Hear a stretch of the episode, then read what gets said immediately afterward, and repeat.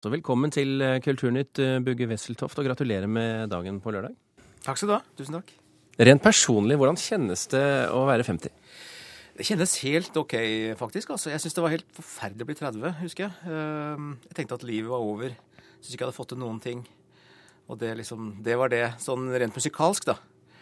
Ehm, Men det Det skjedde jo masse etter at jeg fylte 30, så, de, så nå, nå er jeg ikke så redd lenger. Nå syns jeg jeg liksom har fått til så mye mer enn jeg egentlig kanskje noen gang hadde tenkt. sånn at nå er jeg bare glad for at jeg får fortsette å spille og holde på. Var du litt hard med deg selv som 30-åring? Mm, nei, men alle går gjennom faser. Da syns jeg jeg hadde en fase som jeg eh, sleit bare Altså musikalsk, da. At jeg liksom fikk ikke til det jeg, det jeg hadde lyst til. Uh, Og dette var rett før eh, New Conceptions of Jazz, var det ikke det? ja, det var jo det som ledet til at jeg begynte å jobbe på, på det. det. Dette her var sånn uh, Liten 30-årskrise, rett og slett. 94. 30-årskrise, ja, heter det? det? Er det noe som heter det? Ja, det gjør det nå. Hvordan er det annerledes for deg å være Bugge Wesseltoft som 50-åring eh, i forhold til å være eh, 30?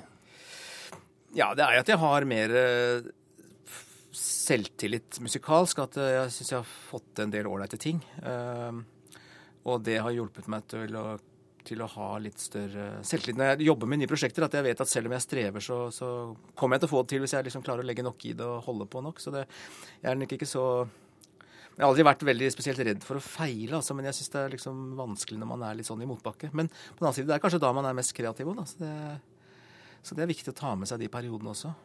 Hvis vi snakker rent musikalsk, da, hva er den store forskjellen på 50-åringen og 30-åringen? Jeg, forhåpentligvis er jeg blitt eh, bedre til å spille, bedre til å lage musikk og bedre til å forstå hva det å spille musikk eh, innebærer. Jeg har fått spilt med så mange utrolig bra folk og lært så mye av å- spille så mange vanvittig mange konserter. Um, men også blitt enda mer inspirert og fått oppleve ting som jeg har lyst til å lære, andre typer musikk. eh, ser alt jeg ikke kan og som jeg har lyst til å prøve å få til, og så videre og så videre. Så jeg er fremdeles på vei et eller annet sted. Har du mista noe på veien også? Nei, Jeg håper ikke det. Jeg, jeg kan ikke Jeg tror ikke jeg mista noen illusjoner, eller jeg er veldig jeg har, eh, jeg har masse drømmer om musikk og hvordan musikk bør være og osv. Så, videre, så jeg, tror ikke, jeg kan ikke se Jeg er ikke blitt noe kynisk, i hvert fall. altså, jeg syns musikk er like spennende i dag som den gang. Mange bruker jo eh, jubileer som dette til å reflektere over livet og se seg litt tilbake og fremover og sånn. Hvilke tanker gjør du deg? Ja, jeg, ser meg ikke så mye tilbake, egentlig. Jeg ser framover. Eh, Det er ikke den er ikke det 60-årskrisen, da? Fra og med nå. Så, nei, jeg ser mest framover. Jeg gleder meg til alt jeg skal prøve å få til framover.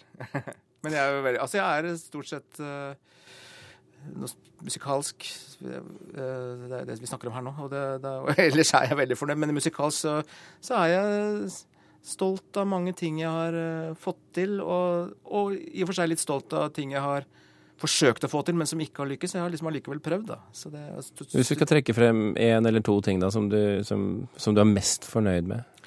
Og det kan godt være stort, da, så det kan godt være lite. Ja. eh, jeg tror vel det er den, eh, den perioden med det bandet New Conception of Jazz, fra jeg liksom starta å jobbe med det i 94. Og så fikk jeg gitt ut platen, liksom jobba med platen i to år. Den kom ut, og så starta vi band og begynte å spille masse fra 97 utover.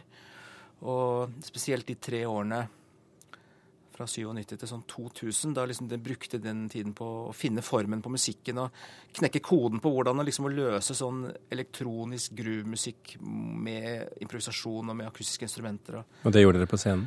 ja, det gjorde vi. Vi øvde bare to ganger. Vet du. En gang eh, før første konsert og i, i 97, 96, og en gang når vi skulle ha en sånn liten reunion-konsert i 2006. Så jeg, vi skapte alt på scenen, og det, det vel, er noe jeg har lært mest av. At det er det å være å spille for noen, og det å utvikle musikken sin, det er da den blir organisk på en måte i en live-situasjon. Øvingsrom og alt sånt blir for meg det er mer sånn man eh, sånne nødvendigheter som man må drive med for å kunne liksom utvikle musikken sin eh, sammen med et publikum. Da. Det er eh, mange artister som eh, i våre dager tvinges til å spille mer ute fordi de tjener ikke så mye på CD-ene sine lenger. Er det en god utvikling? Ja, absolutt. Altså, jeg syns det er veldig viktig å spille ute og være I hvert fall den musikken jeg handler om, jeg, jeg driver med, og, og, jeg vil nesten si sånn kunst generelt, handler jo om de møtene med publikum. Og spesielt innenfor jazz så er liksom hver konsert er jo improvisert og en unik mulighet til å finne på noe annet. og det, Hver konsert er jo i og for seg unik. så det, det, er vel det aller viktigste vi kan drive med, er jo å spille for folk. Jeg har også sånn Erfaringsmessig har jeg sett at det er der man møter altså En publikum som, eller en person som liker en konsert, vært på en konsert og fått en fin opplevelse, det, det mennesket vil jo følge det, den artisten omtrent til evig tid, hvis du ikke driter deg helt ut, liksom. Så, så er, de relasjonene er kjempeviktige. Har, har, du gjort det noen gang for øvrig? Driti deg helt ut? Ja, ja, ja. ja. Uh, absolutt. Uff, jeg har hatt uh, Hvordan da? Nei, altså Ting går helt galt, og sånn er det jo. Men uh, ja, absolutt. Det, jeg, jeg husker, er det noe du husker? Nei, altså jeg husker at det var kanskje den må være Jeg fikk et bestillingsverk til Vossajazz i 93. Og det var vel kanskje den utløsende årsaken til at jeg syns 30-årsdagen var så grusom. Jeg syns det ble så mislykket. Jeg hadde liksom så masse visjoner om hvordan ting skulle være, og hadde en klar idé. og så... Og så funka liksom ingenting av det. Ble det mislykket for Vossajazz også? Mm, det vet jeg ikke. altså Det var vel ikke det største bestillingsverket i historien, antagelig. Men jeg var nok for ung. Det var jo, Jeg kom til å tenke på etterpå at det var eh, utrolig lærerikt, men det var jo nådeløst, egentlig. Det var første gang jeg presenterte min egen musikk for noen.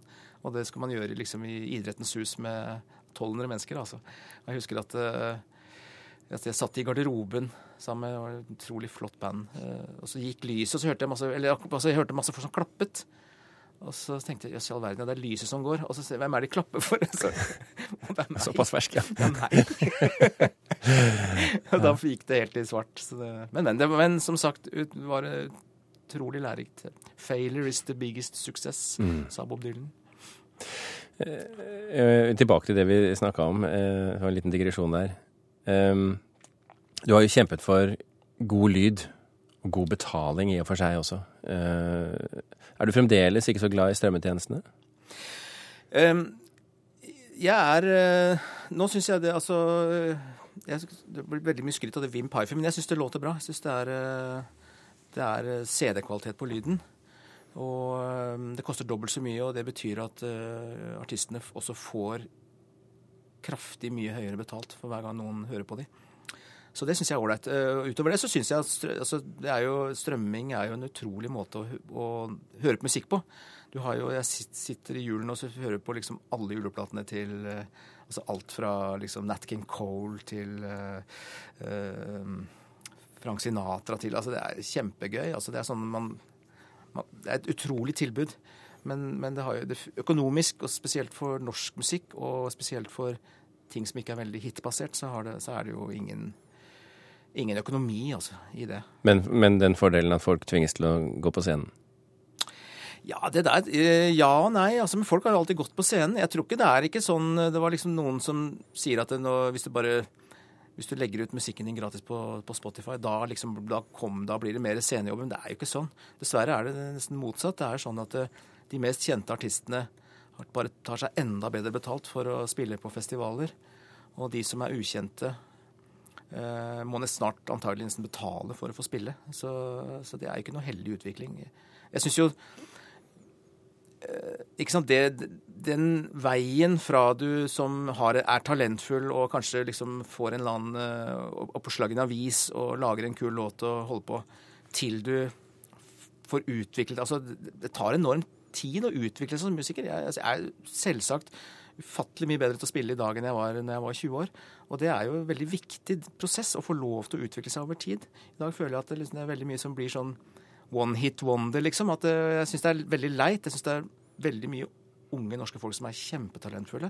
Og så syns jeg også å konstatere at det er veldig mange som forsvinner nesten like fort som de er kommet. Og det syns jeg er veldig trist. Mm. Hender det at du setter deg ned med Wimp eller Spotify og hører på din egen musikk? Nei, det, jeg trives ikke så godt å høre på min egen musikk. Jeg synes, uh, Den som er mest populær, er vel sikkert den juleplaten. Så det er ofte jeg kommer i juleskapet, så spiller de den plata. Ja, det blir alltid sånn uh, Kleint? Ja, det blir kleint for at jeg, altså, man blir sittende og tenke Nei, faen, der skulle jeg spilt noe annet akkurat der? det blir liksom ja. Like fullt, eh, Bugge Wesseltoft, så vil jeg at du skal plukke én låt som vi skal spille i anledning din 50-årsdag, som nå er på lørdag. Uh, hvilken vil du at vi skal presentere for P2s lyttere i dag? Oi. Jeg lurer på eh, en av de tingene vi har gjort med den fantastiske sangeren Sissel Endresen. Eh, kanskje den låta som heter 'Try'. Kanskje den kunne vært fin. Hva vet jeg. Bugge Wesseltoft, tusen hjertelig takk for at du kom Takk til. Kulturnytt. Takk.